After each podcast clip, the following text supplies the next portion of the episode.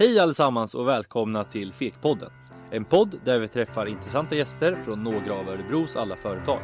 En podd där vi har den enkla ambitionen att vi alltid kan lära något av varandra. Did you give the world some love today, babe? Did you give the world some love today, babe?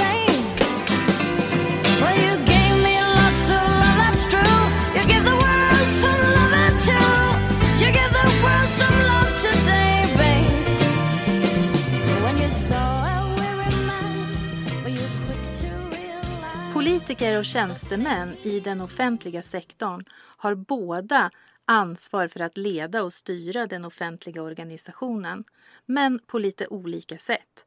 Men ett gemensamt ansvar har man att leda och styra. I dagens avsnitt av Fekpodden får vi genom ett politikerperspektiv den offentliga organisationen belyst. Vilket är det bästa sättet att leda en offentlig organisation med både politiker och tjänstemän? Vad kan den inbyggda konflikten inom politiken få för positiva och negativa konsekvenser? Vilken är drivkraften i det politiska ledarskapet? Och vad har våran gäst fått ge avkall på under alla hennes år som både fritidspolitiker och politiker på heltid? Och så ger hon även sin syn på varför de marknadsekonomiska modellerna har fått så stort genomslag i Sverige inom hälso och sjukvården. Och varför var Örebro ganska stora motståndare till just dessa?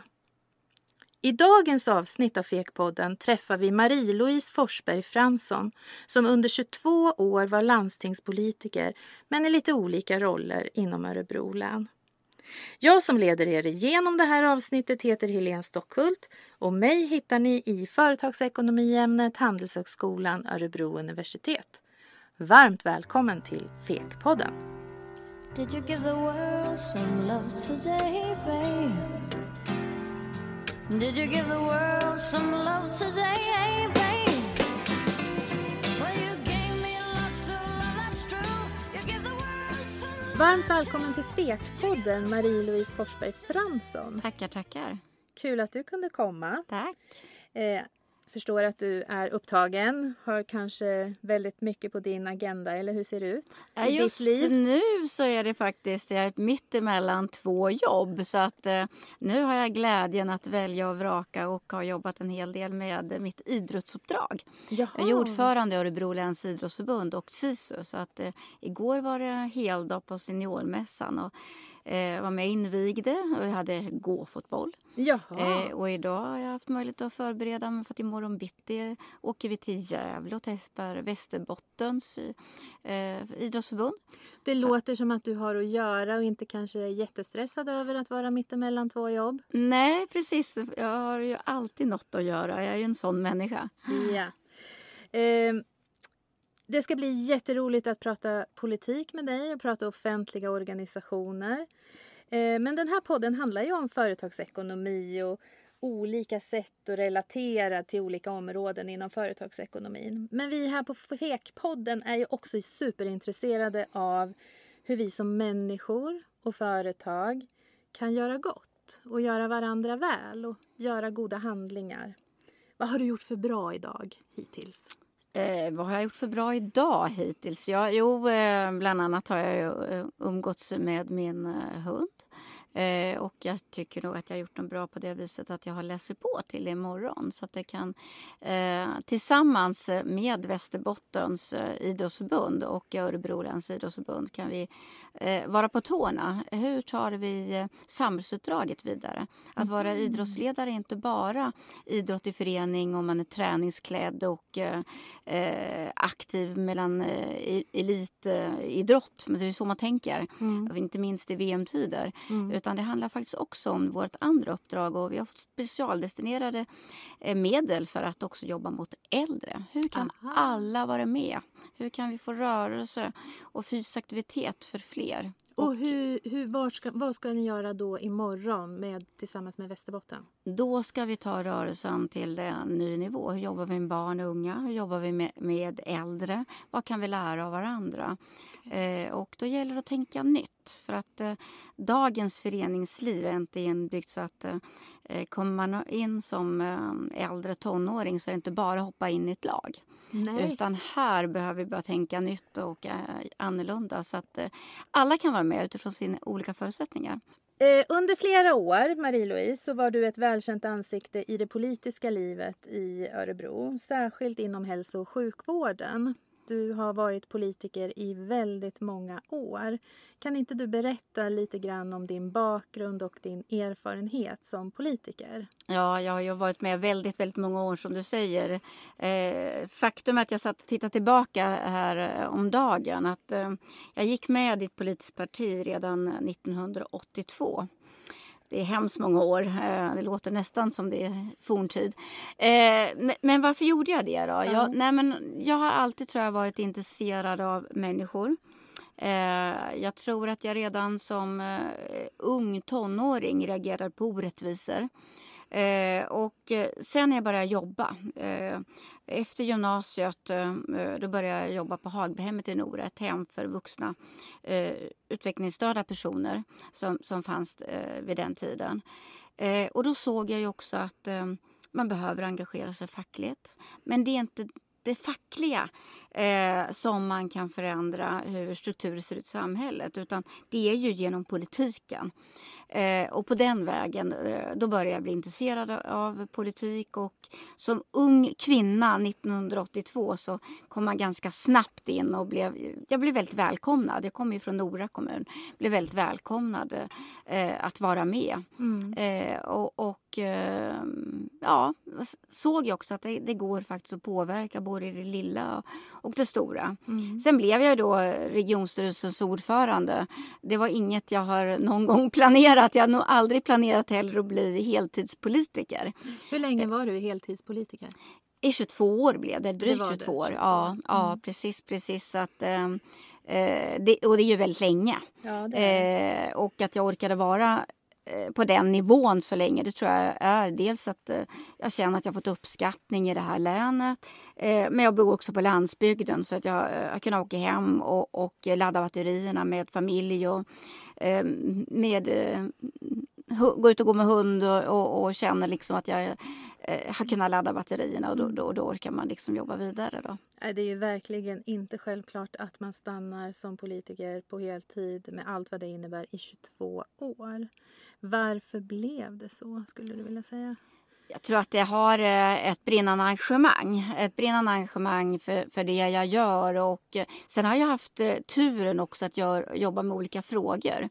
Eh, och det var absolut inte så att jag, jag, har tänkt bli politiker. Jag var ju sjuksköterska, jobbat på medicinkliniken i, Lindesberg och höll på med utvecklingsprojekt där och gjorde, eh, hade möjlighet att, att vara med och utveckla i min yrkesroll. Eh, och sen var jag fritidspolitiker i Nora. Eh, så att eh, jag blev väldigt överraskad när, när mina partikamrater ville nominera mig. Eh, men sen när jag väl kom dit så, så eh, inom landstingspolitiken där jag är verksam är ju så vitt och så stort. Det är så många områden. Så jag har ju hållit på med allt eh, när det gäller kultur, eh, när det gäller regionalpolitik, när det gäller ja, som trafikfrågor, den saker, näringspolitik. Eh, men också naturligtvis hälso och sjukvårdsbenet har ju varit med hela tiden. Vilket år var det som du eh, eh, avgick som politiker? Var det för två år- sedan? Ja, 2017. 2017, Ja, ja, ja. mm, januari. Och nu januari 2017 slutade jag då. Mm. Vi såg eh, nya vita fina bussar rulla ut på gatorna här i Örebro i, för bara några dagar sedan. Ja. Är det ett beslut som du har varit med och berett? Och Jajamensan. Berätta. Eh, Ja, eh, hur lång tid jobbar man med att få nya bussar jag på kan ju Örebros gator? säga att det börjar vi med 2016. 2016. började vi ju prata om och såg att eh, någonting måste göras. Eh, eh, det blev eh, dyrare och dyrare eh, att bedriva eh, busstrafik och samtidigt som vi kanske såg att vi inte helt eh, fick förbättrade eh, kvalitet i, i eh, körandet. Då. Och eh, då började vi diskutera och då med landstinget i eh, Västmanland eh, som då redan hade tagit tillbaka eh, och startat upp eh, busstrafik i egen regi. Mm. Och då började vi fundera på eh, hur ska vi göra det här för att eh, eh, det började bli så kallat oligopol Mm. på bussmarknaden. Eh, det är inte bra med monopo, monopo, Monopol. monopol men det är inte heller inte bra med oligopol. Eh, då, då hamnar man lite grann i, i, i eh, samma problematik. Mm. Eh, och därför så, så sa vi att eh, nu är det nog läge att göra något. Så jag var med och, och startade den resan och hade diskussioner med Tommy Levingsson i Västmanland som fortfarande eh, jobbar med de här frågorna. Mm. Det, är ju, eh, det måste ju vara en fantastisk känsla att se eh, de eh, idéer, diskussioner, oändliga diskussioner gissar jag, i många olika möten i många olika sammanhang innan det här kan gå till beslut och sen ska beslutet genomdrivas. Och sen till slut så får man se det här som man har jobbat så hårt för. Hur, hur, hur är det? Alltså det är ju, politik är ju en lång process. Men, men jag tror att det är bra att det är en lång process också. För att det, allt vi gör, jag brukar säga det, allt vi gör är ju faktiskt offentligt. Eh, och ska det vara offentligt och må, många ska ha möjlighet att, att uttrycka sin åsikt i frågor, då är det bra att det är långa processer. Eh, sen ibland kan man tycka att, man, man, eh, att det går för långsamt, men, men jag tror ändå att det eh, är bra att det blir den här tiden, för att då hinner man mogna i besluten. Man hinner ställa rätt eh, varför-frågor eh, och eh, göra bra beslut helt enkelt. För att vi ska ju liksom göra de bästa mm, möjliga besluten för skattebetalarnas eh, pengar. Eh, och, och då är det nog bra att man inte skyndar för fort. Eh, vi har ju haft en annan gäst från offentlig sektor med i Fekpodden, Ola Fernberg, som berättade om eh, just det här med att politik, nej inte politik, utan att offentliga sektorn, offentliga organisationer har en inbyggd trögrörlighet. Och han sa likadant att det måste få vara så om vi ska bedriva en offentlig organisation på de grunder som den vilar. Eh, och du säger samma sak. Spelar ingen roll om man är politiker eller tjänsteman. Har man ungefär samma uppfattning om de här frågorna tror du? Nej, jag tror inte man alltid har samma uppfattning. Alltså, som tjänsteman så har man ju att utföra, eh, alltså göra verkstad av de politiska idéerna och intentionerna. Eh, så att där behöver man ju inte som tjänsteman vara eh, Eh, eh, eh, man har ju att utföra när, när ett beslut redan har fattats. Eh, men, men att ha dialogen. Eh, och det är, tror jag de bästa besluten. Eh, och eh, de bästa besluten både utifrån medborgarnas bästa och också för samhällsekonomin. Det är när man faktiskt har möjligheter att ha djupa och bra eh, diskussioner. Man kan vända och vrida och, på frågorna och också inte vara rädd för diskussionerna. Eh, jag, jag tror att jag tillhör en, sån person som gärna bjuder in till diskussion och inte är rädd för diskussion. Eh, men sen är det dags att fatta ett beslut och då är det en majoritet eh, så, som är den som eh, fattar besluten och sen eh, gäller det att eh, skrida till verket att se till att de kommer. Och då är det klart, då hinner det gå Eh, ska många vara med och få tycka eh, i öppna processer, då tar det lite tid. Men det är bra. Eh, Eh, den klassiska bilden är ju precis den du beskriver på något sätt. Att politiken är de som är med och, och tar fram strategierna och genomdriver besluten och fattar besluten. Och sen så är det upp till tjänstemannaorganisationen att genomdriva och se till att det blir verkstad.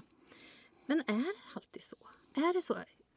Tassar ni in på varandras Ja, marker? Hur, hur ser det ut i absolut. verkligheten? Absolut så tassar man in på varandras marker. Ni är Eh, liksom som ett toppteam, top management team tillsammans, både politiker och eh, tjänstemän. Ja, e- en bra förvaltning tror jag det är precis som du säger, team.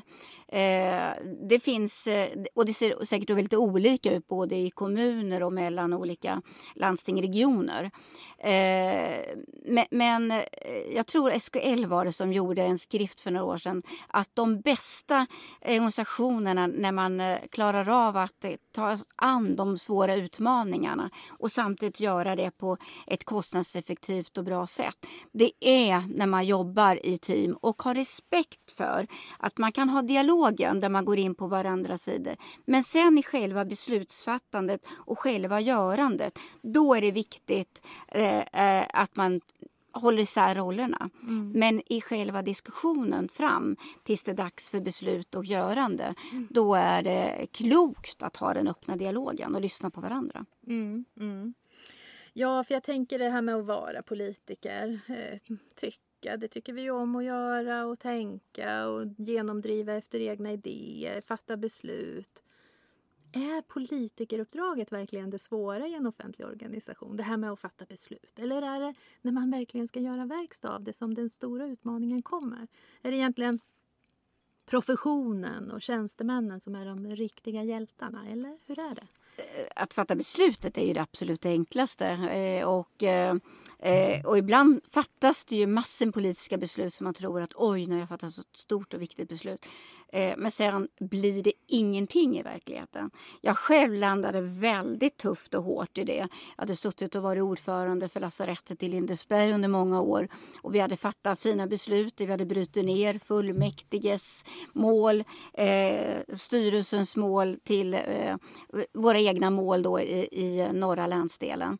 Och sen upptäcker jag att det har inte brutits ner och landat i verksamheten. Då har vi egentligen fattat beslut i flera år som egentligen inte har fått eh, effekten för, eh, för dem vi är till för. Eh, och, och, och det tycker det var en kall landning kan jag säga. Hur kändes den? Ja, nej, men alltså, Kall, hård. eh, Ja, jo, men absolut. Kallt och ett slag i magen. Men hallå, här är det någonstans det är fel. De, nu måste vi ju börja om. Vi måste ju ha förståelse för varandra. Eh, och, och då, efter det så försökte jag skapa dialogplattformar. Eh, där profession, politik och tjänstemän eh, tillsammans eh, eh, hade möjligheter att föra dialog. Och hade vi bra dialog innan eh, då var det inte bara att fatta ett fint beslut utan det också, blev det också en fin verkstad av det hela som kommer medborgarna eh, och våra invånare till del.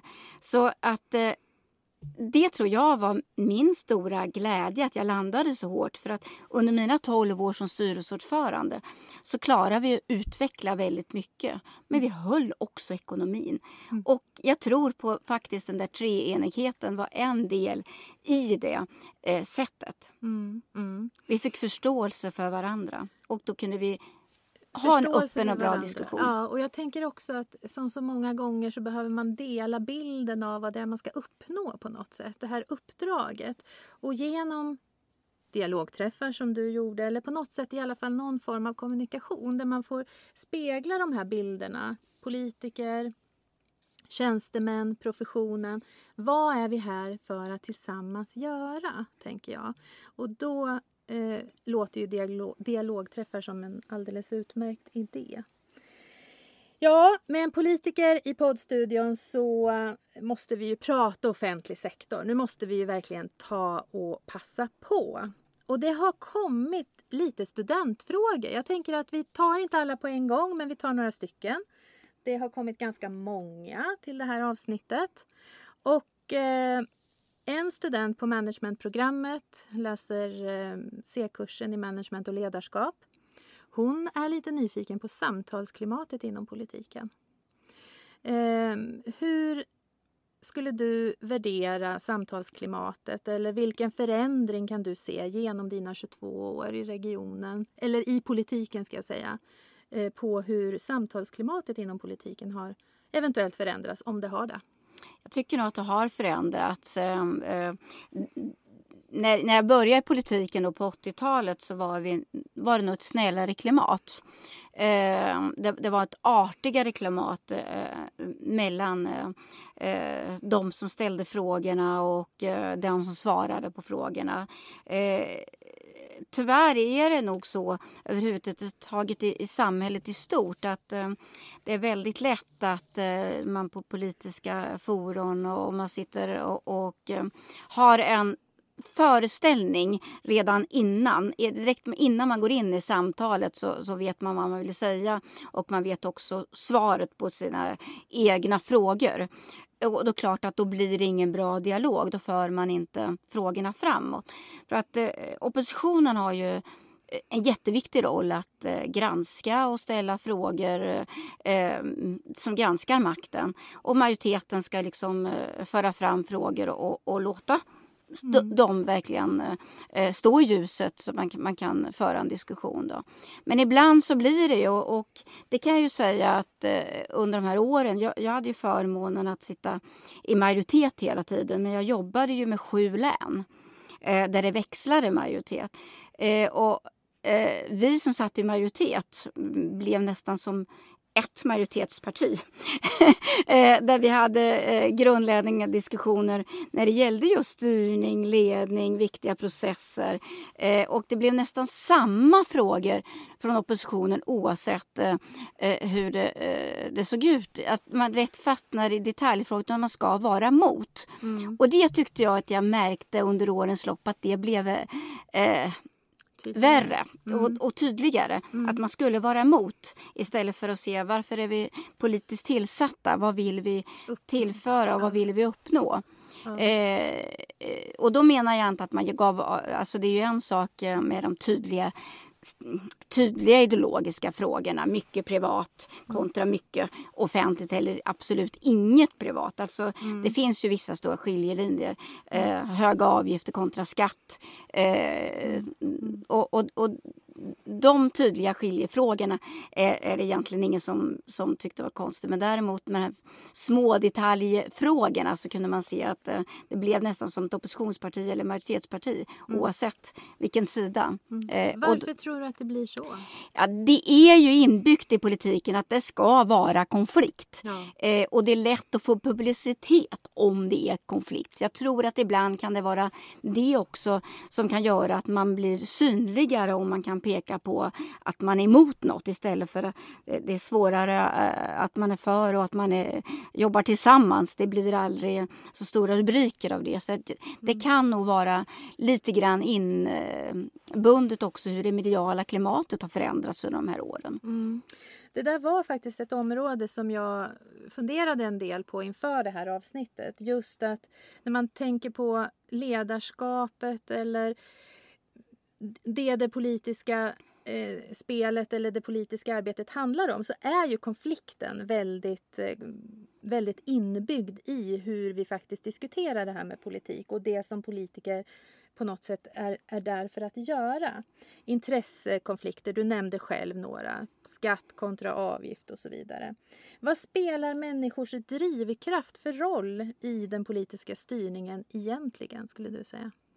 Det är klart att eh, man har valt en politisk riktning utifrån ett engagemang och en tro eh, på det bättre samhället. Och den drivkraften får man ju aldrig ge avkall på för att eh, jobba vidare politiskt. Annars behövs det ju inte politiska partier om man inte orkar drivas och föra fram sina visioner och sin drömbild om, om det framtida Precis. samhället. Då. Så att drivkraften vill jag nog ändå säga... När man sitter där liksom i i, i själva eh, hetluften. Och då, då har man en, en stor budget, man har ansvar för en massa människor.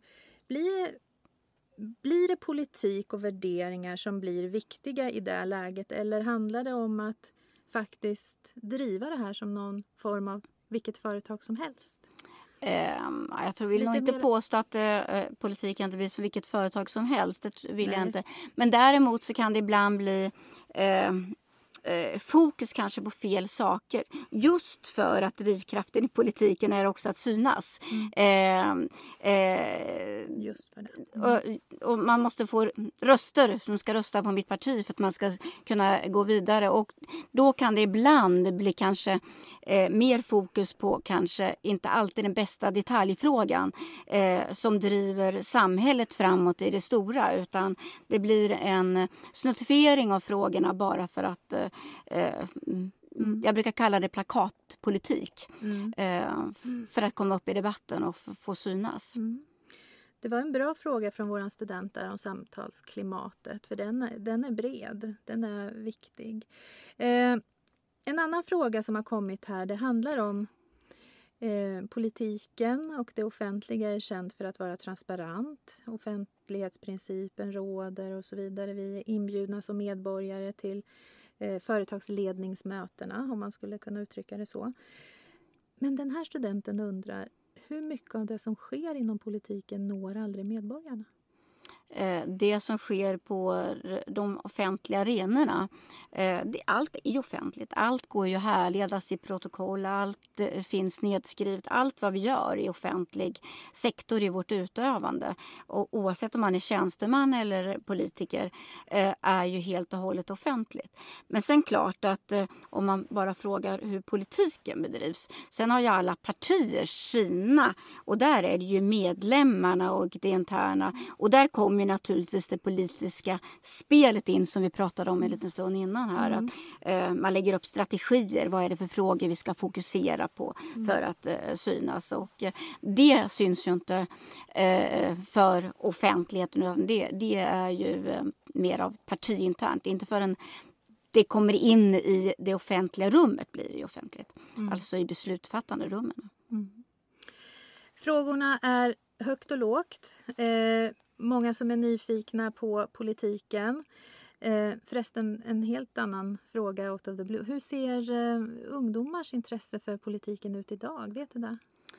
Jag har inte riktigt koll på senaste barometern men eh, jag tror ändå att ungdomar är politiskt medvetna. Men där kanske inte politiskt eh, parti eh, medvetna. För att eh, jag tittar man bara på eh, Greta Thunbergs effekten och vad eh, både barn och unga engagerar sig nu utifrån eh, hennes viktiga eh, ja, hon är ett otroligt viktigt språkrör eh, för hållbarhetsfrågorna.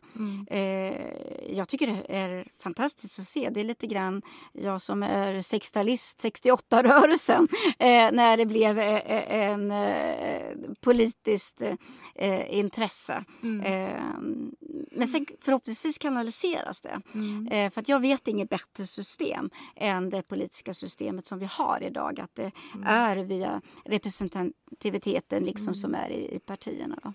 Men man kanske kan få eh, engagera sig i vissa frågor. Man kanske inte behöver göra det i partipolitiken och så vidare. Och det känner man ju igen Mm. från eh, samhällsdebatten att många är engagerade i väldigt många Mm. frågor, om än olika. Men kanske partiintresset har minskat, eller? Ja, jag tror det. Och det kan ju komma på köpet. Jag, jag hoppas att det gör det. Att det kommer att bli fler som med det här nyvakna intresset och det här eh, tydliga fokuset på att man eh, vill göra gott för att vi ska ha ett samhälle eh, långt in i framtiden. Ja. Eh, så förhoppningsvis kanaliseras det för att eh, eh, det går inte bara att göra, titta på en fråga utan ska ett samhälle fungera så är det många frågor som måste vävas in. Ja. En tredje fråga från en av våra studenter, också på managementkursen. Eh, hon undrar hur har det påverkat dig att vara privat? Hur har det påverkat dig privat att vara heltidspolitiker? Har du fått göra avkall på något? Ja, absolut. Eh, Det är ju... eh, Framförallt kan jag väl säga att är, eh, nu tar jag igen tiden med mina barnbarn. För att min dotter var, jag, var ju borta ganska mycket. Alltså, det var ju min man som fick gå in och, hjälpa till och, och ta mycket dagishämtningstider och sånt. Därför att rätt som det är så man styrde ju inte sin almanacka. Även om man kanske hade räknat med att nu ska jag åka och hämta och göra något så hände det något. Eh, så att det har man ju fått gjort avkall på.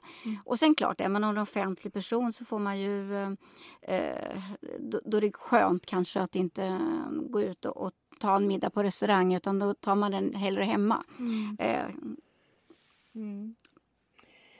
Eh, de senaste åren så har ju konkurrensen ökat för den offentliga sektorn och inom den offentliga sektorn. Och flera olika styrreformer med marknadsekonomiska förtecken har tagit sig in på den offentliga arenan. skulle du beskriva att den här intresset, den här fokuset mot eh, marknadsekonomi inom offentlig sektor, hur har det påverkat den offentliga sektorn?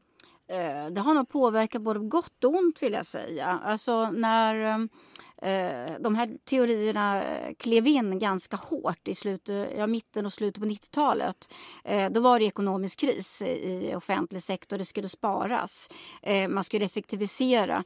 Eh, det blev ett väldigt starkt fokus på det inre jobbet. Eh, Eh, och ett gott i det, det kommer ju olika lean-projekt där man eh, tittar på hur driver vi effektivare processer, och hur jobbar vi med de frågorna. Så att det kan jag nog se att det fanns en del på gott. Eh, men det finns också Eh, eh, det man kan se, man kan nog inte hålla på för länge och jobba med, med de här kvartalsekonomierna i offentlig sektor för att risken är att man tappar bort fokuset på det som ska göras gott eh, för framtiden. Att jobba med socialtjänsten eller att jobba med hälso och sjukvården.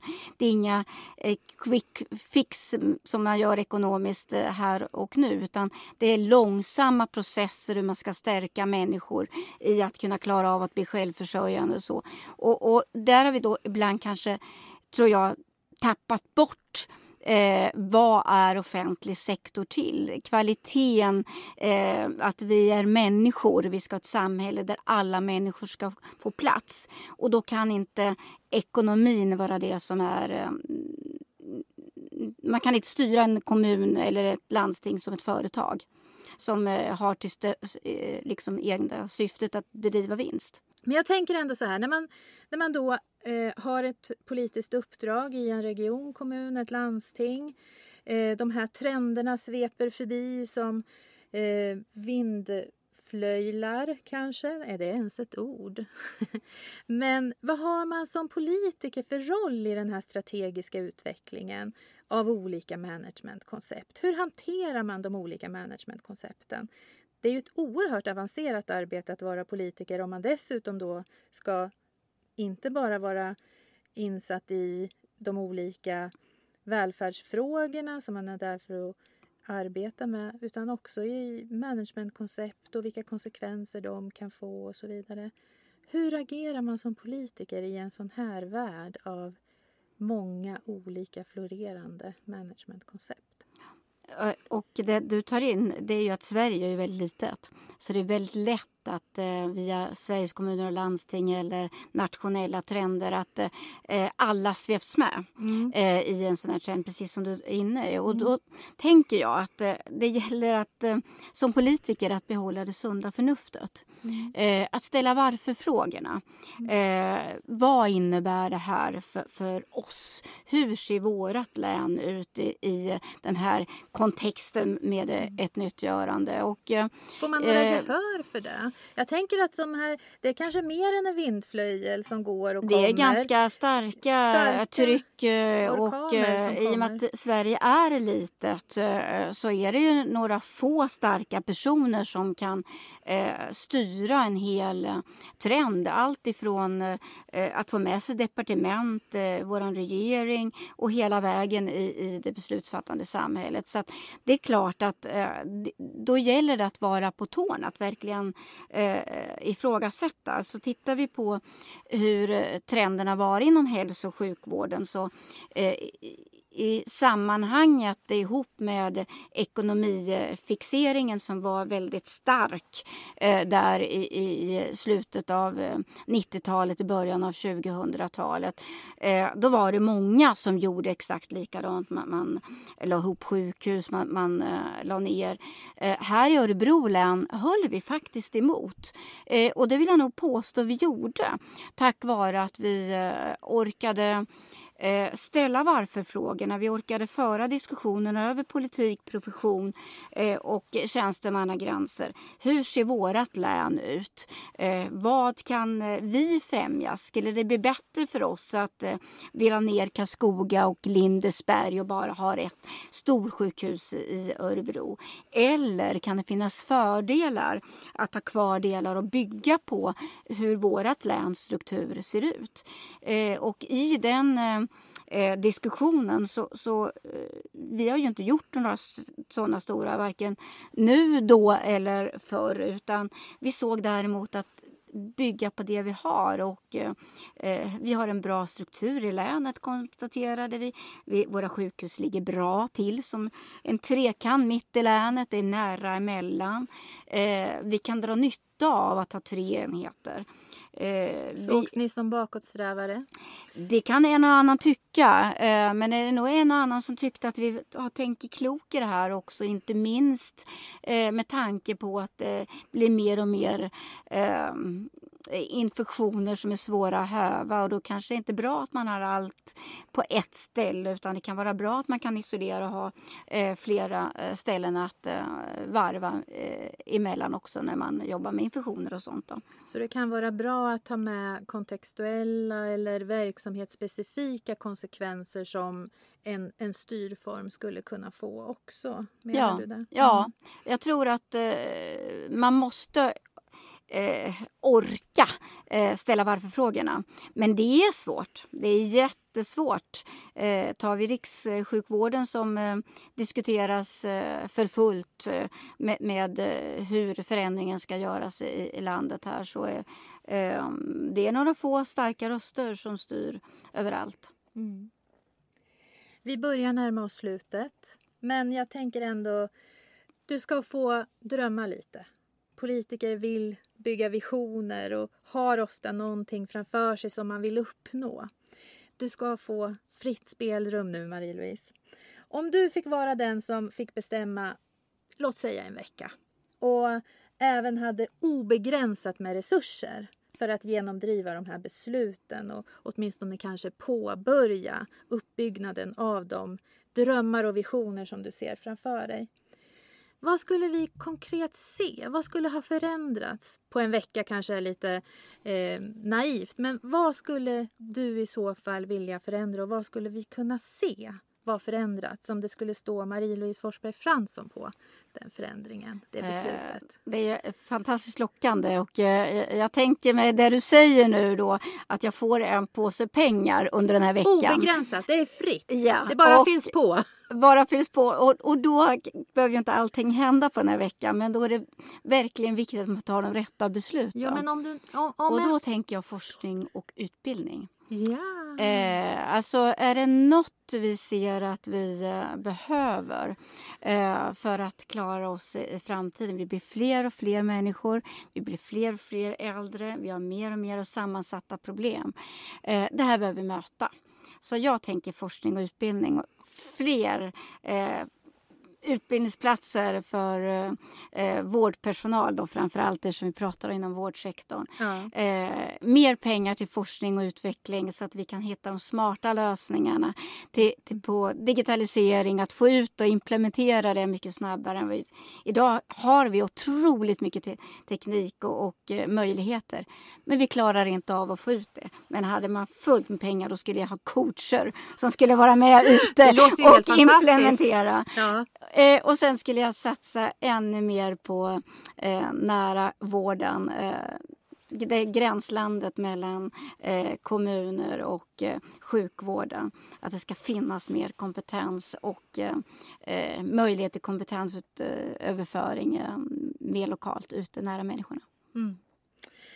Vad tar du med dig som den eh, absolut största lärdomen från dina år som politiker och inom politiken? Hur, vad, vad är den, det som du ser som det absolut viktigaste att ta med sig in i andra organisationer i ditt fortsatta liv och som du kanske också under de här åren hade väldigt stor nytta av som politiker?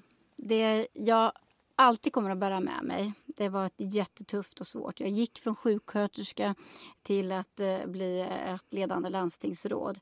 Eh, och sen gjorde vi jättestora nedskärningar som skulle göras snabbt. Stora besparingar. När det hade gått par, tre år efter, då fick vi börja rep reparera efter snabba och felaktiga beslut. Eh, och det har jag bärt med mig under alla år efter de här mm, 95–96 som vi gjorde det här. Eh, att eh, långsiktighet Eh, tänk, eh, ta dig tid och tänk eh, en stund till än att eh, drabbas av panik och göra fel. Det kan innebära så mycket. Bland annat så skulle det vara lika eh, nedskärningar överlag vilket gjorde att vi att sa upp människor som vi behöver i organisationen skulle vi behöva haft idag eh, för att bygga vidare på för att vi skulle haft sjuksköterskor och, och eh, läkare på plats och kunna möta. Eh, vi gjorde flera felaktiga grepp där. Eh, så min lärdom, ha inte för snabbt. Ta hellre en dag till och det får ta lite längre i den politiska processen. Men landa rätt. Hur förbereder man sig bäst för ett sådant uppdrag? Hur förberedde du dig som du beskrev det, sjuksköterska och skulle bli ett ledande landstingsråd? Hur förbereder man sig? Jag tror inte det finns något svar på det. Eh, jag kastade mig nog bara ut eh, och förstod nog inte. Hade någon förberett mig då hade jag kanske inte hoppat på. För att det var eh, jättetufft. Tänk eh, att gå direkt ifrån sjuksköterskegolvet och sen bara några veckor senare stå och titta sina vänner, sina kollegor eh, och säga nej 20% ska bort eh, för att vi har bestämt att vi ska spara snabbt här nu. Eh, nej, det var inte smart gjort eh, och eh, det var också hemskt eh, eh jobbigt för eh, alla de stackars eh, medarbetarna som blev drabbade. Och det var heller inte bra för vården långsiktigt. När kommer dina memoarer? Ja, jag tror inte det kommer några mem- memoarer. Vad, vad finns det kvar att avslöja Ja, nej. från 22 år i landstingspolitiken i Örebro? Jag tror att det finns bara mm, möjligheter att jobba vidare. Eh, och eh, jag är en engagerad person och kommer vara det fortsatt i olika delar. Idag är, eh, har jag varit, jobbat som tjänsteman under en period och kunnat vara engagerad i tjänstemannarollen. Och jag är också engagerad i eh, frivilligsektorn också. Ja. Stort varmt tack för att du ville ta dig tid att komma hit. Det har varit otroligt intressant att lyssna på dig. Tack ska du ha. Tack.